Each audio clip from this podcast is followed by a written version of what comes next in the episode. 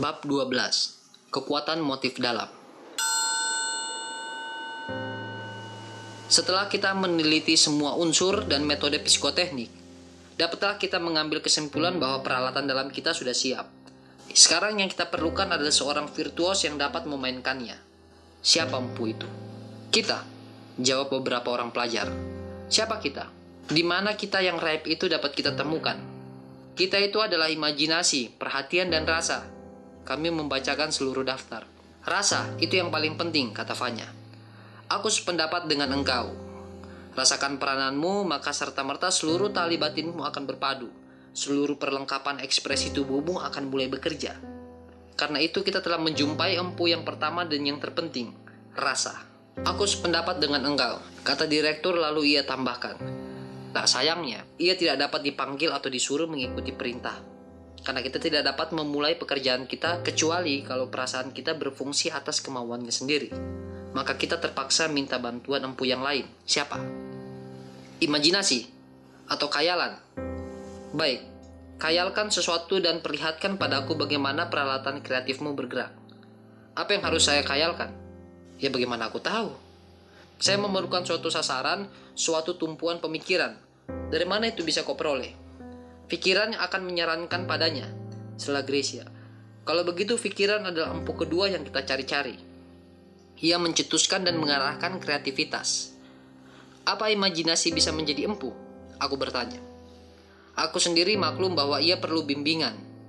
Kalau perhatian bagaimana? Coba kita teliti apa fungsi-fungsinya ia memungkinkan bekerjanya perasaan, kalbu, imajinasi, dan kemauan. Sambung beberapa pelajar lain. Perhatian itu tak ubahnya sebuah reflektor, tambahnya. Ia melemparkan sinar pada beberapa objek pilihan, lalu menumbuhkan perhatian dalam pikiran dan perasaan, serta keinginan kita dalamnya. Siapa yang memiliki objek itu? Jiwa, imajinasi, keadaan tertentu, sasaran, kalau demikian halnya, maka semua unsur ini memiliki objek dan mencetuskan pekerjaannya. Sedangkan perhatian harus membatasi peranannya hanya sebagai penambah. Sedangkan perhatian harus membatasi peranannya hanya sebagai penambah. Jadi, jika perhatian bukan salah satu dari empu itu, jadi apa sebetulnya dia? Torsov tidak memberi jawaban langsung, tapi menyarankan supaya kami naik ke atas panggung, lalu menyuruh kami memainkan latihan yang telah begitu sering kami lakukan yaitu latihan tentang orang gila. Mula-mula pelajaran itu hening, mereka saling memandang seolah-olah berusaha untuk mengambil keputusan. Akhirnya seorang demi seorang dari kami bangkit dan berjalan perlahan-lahan ke atas panggung. Tapi Torsov menghentikan kami. Aku senang sekali kalian dapat menguasai diri kalian. Tapi biarpun kalian telah membuktikan dalam tindakan-tindakan kalian bahwa aku harus membangkitkan sesuatu yang lebih hidup, lebih bersemangat dalam diri kalian, semacam keinginan artistik Aku ingin kalian naik ke atas panggung penuh dengan keinginan, penuh dengan kegairahan dan hidup. Tuhan tidak akan berhasil menumbuhkan itu dalam diri kami lewat latihan usang itu. Biar bagaimanapun aku akan mencoba, kata Torsov dengan tegas. Apa kalian sadar bahwa waktu kalian mengira bahwa orang gila yang lari itu akan masuk lewat pintu depan yang sebetulnya sudah menyelinap ke pintu belakang dan kini lagi menggedor-gedor pintu belakang? Pintu itu tidak kuat. Kalau ia roboh, apa yang akan kalian lakukan dalam keadaan baru ini? Putuskan. Pelajar-pelajar itu berpikir, perhatian mereka terpusat pada permasalahan itu dan pemecahannya. Pembangunan penghalangan kedua. Lalu kami berlari ke atas panggung dan semuanya mulai sibuk. Tak ubahnya dengan dulu waktu kami pertama-tama kali memainkan latihan itu. Torsov menyimpulkan sebagai berikut. Waktu aku menyarankan supaya kalian melakukan latihan ini, kalian mencoba memakai diri untuk melakukannya bertentangan dengan keinginan kalian sendiri.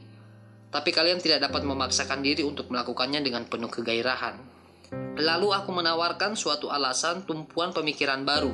Berdasarkan itu, kalian menciptakan suatu sasaran baru, keinginan baru. Keinginan-keinginan baru ini bersifat artistik dan mencetuskan kegairahan dalam pekerjaan kalian. Sekarang coba katakan padaku siapa empu yang dapat memainkan instrumen penciptaan. Tuan, demikian pelajar-pelajar itu berkesimpulan. Tepatnya pikiranku, kata Torsov memperbaiki.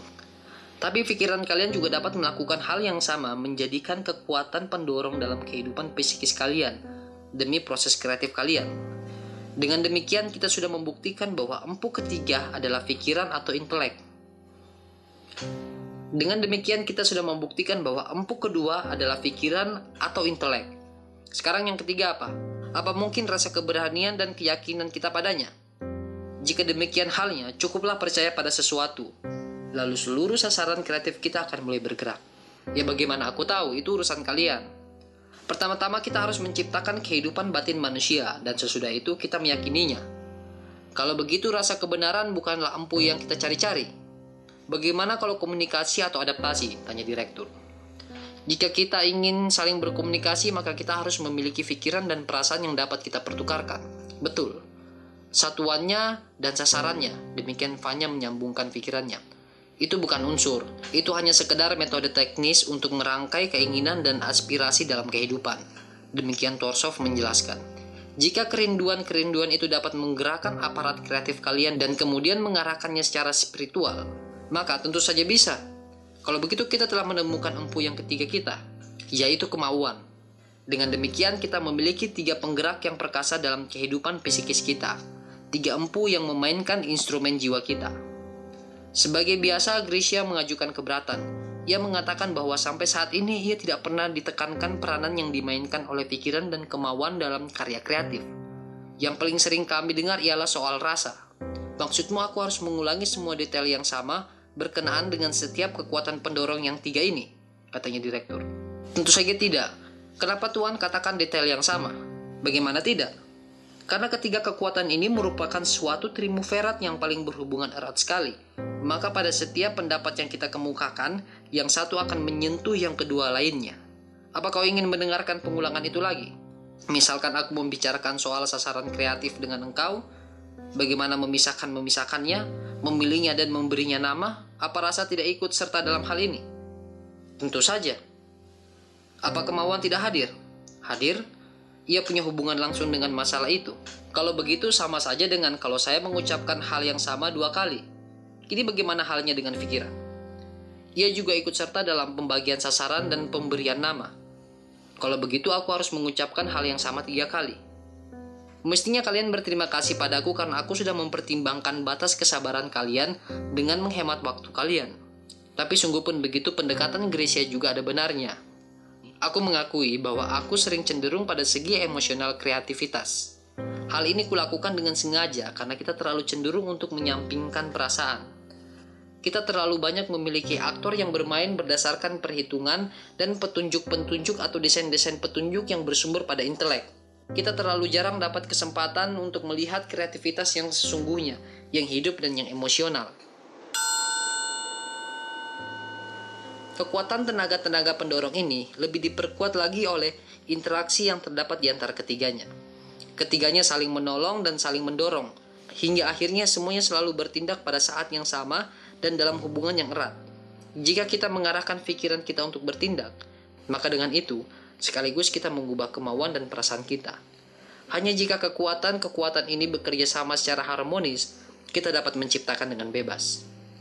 Jika seorang seniman sejati mengucapkan soliloquy, ada atau tiada, api hanya sekedar membeberkan pada kita pikiran pengarang, penciptaan kalimat itu dan melaksanakan gerakan yang ditunjukkan seorang sutradara. Tidak. Ia menuangkan dalam kalimat ini sebagian dari konsep hidupnya sendiri. Seniman seperti itu tidak bicara dalam diri seorang Hamlet imajiner. Ia bicara sesuai dengan haknya sebagai seorang yang ditempatkan dalam keadaan yang diciptakan oleh lakon itu pikiran, perasaan, konsep, dan pemikiran pengarang dirubah menjadi miliknya sendiri. Dan bukan pula satu-satunya tujuan yang menyampaikan kalimat itu begitu rupa hingga ia bisa dimengerti. Baginya adalah penting para penonton merasakan hubungan batinnya dengan apa yang ia ucapkan. Mereka harus mengikuti kemauan kreatif dan keinginannya sendiri.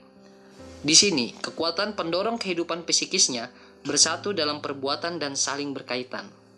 Kekuatan yang dipersatukan ini bagi kita, aktor adalah penting sekali dan kita betul-betul melakukan kesalahan jika ini tidak kita pergunakan untuk mencapai tujuan-tujuan praktis kita. Oleh karena itu kita perlu memperkembangkan psikoteknik yang tepat.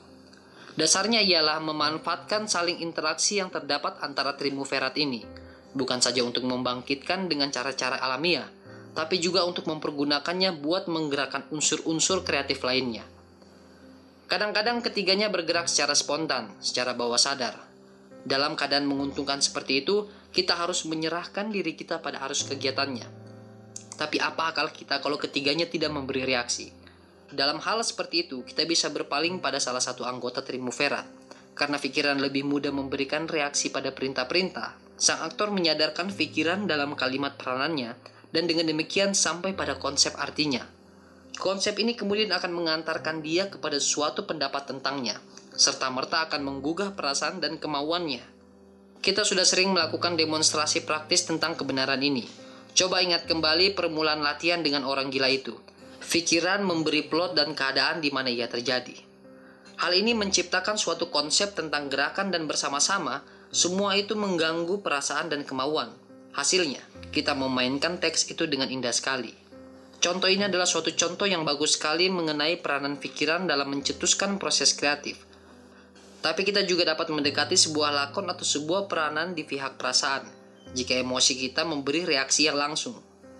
Jika emosi itu bereaksi, maka semuanya akan terjadi dalam urat yang wajar. Sebuah konsep atau pengertian muncul, disusul oleh bentuk yang difikirkan dan bersama-sama semua itu akan menggugah kemauan. Tapi jika perasaan tidak termakan pancingan itu, rangsangan langsung apa yang bisa kita pergunakan? Rangsangan langsung untuk pikiran dapat kita temukan dalam pengertian-pengertian yang dipetik dari teks lakon itu. Sedangkan untuk perasaan, kita harus mencari irama tempo yang menjadi dasar dalam gerakan luar sebuah peranan.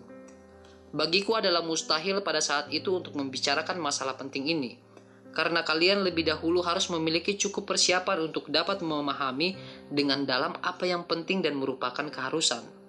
Di samping itu, kita tidak bisa secara langsung beralih pada telaah masalah ini karena ini akan berarti bahwa kita harus melakukan suatu lompatan besar ke depan, dengan demikian mengganggu perkembangan rencana kerja kita yang teratur.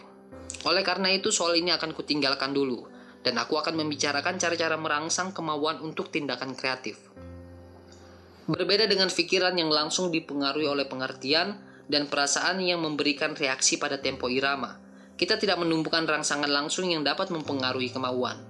Dengan sasaran bagaimana? Tanyaku. Apa suatu sasaran tidak mempengaruhi keinginan kreatif kita? Dan dengan demikian kemauan kita? Tergantung. Jika sasaran itu tidak cukup menarik, maka hal itu tidak akan terjadi. Kita harus memakai alat-alat buatan yang membuatnya lebih tajam, lebih hidup, dan lebih menarik. Sebaliknya, sebuah sasaran yang memukau dapat memberi efek yang langsung dan segar. Tapi terhadap kemauan, pengaruhnya tidak ada. Daya tariknya berlaku bagi emosi, Mula-mula kita terbawa oleh perasaan, lalu diikuti oleh keinginan hingga pengaruhnya pada kemauan kita sifatnya tidak langsung. Tapi Tuhan mengatakan pada kami bahwa kemauan dan rasa tidak bisa dipisahkan. Sehingga jika sebuah sasaran mempengaruhi yang satu, maka ia dengan sendirinya sekaligus mempengaruhi yang lainnya, kata Gracia yang ingin memperlihatkan ketimpangannya. Kau benar, kemauan dan rasa adalah laik sebentuk mata wayang yang punya dua wajah. Kadang-kadang emosi berada di atas, kadang-kadang kemauan atau keinginan yang berkuasa. Hingga ada sasaran-sasaran yang lebih mempengaruhi kemauan daripada keinginan-keinginan dan sasaran-sasaran yang lebih menumbuhkan emosi dan menekankan keinginan. Dengan salah satu cara, langsung atau tidak langsung, sasaran adalah rangsangan yang baik sekali yang ingin kita pergunakan. Setelah diam beberapa saat, Torsov melanjutkan. Aktor yang rasanya lebih kuat daripada inteleknya dengan sendirinya jika memainkan Romeo atau Othello akan lebih memberikan tekanan pada segi emosionalnya. Sedangkan aktor yang diperlengkapi dengan kemauan yang kuat akan memainkan Macbeth atau Brand dengan memberikan arti yang besar pada ambisi dan sikap yang fanatik. Sedangkan tipe ketiga dengan cara tak sadar memberikan tekanan lebih dari semestinya pada segi-segi intelektual peranan seperti Hamlet atau Nathan yang bijaksana tapi kita perlu sekali menjaga jangan sampai ada salah satu dari ketiga unsur ini yang menghancurkan unsur-unsur lain dan dengan demikian merusak keseimbangan dan harmoni yang diperlukan. Seni kita mengakui ketiga tipe tersebut dan dalam karya kreatif, ketiga kekuatan itu memainkan peranan utama. Satu-satunya tipe yang kita tolak sebagai tipe yang dingin dan berperhitungan adalah tipe yang lahir dari perhitungan yang gersang. Untuk beberapa saat semuanya hening, lalu Torsov menyimpulkan pelajaran kami dengan pernyataan seperti berikut. Kini kalian sudah kaya, kalian sudah memiliki sejumlah besar unsur yang dapat kalian pergunakan untuk menciptakan sukma manusia dalam sebuah peranan. Kalian sudah berhasil mencapai suatu yang besar, dan aku mengucapkan selamat pada kalian untuk itu.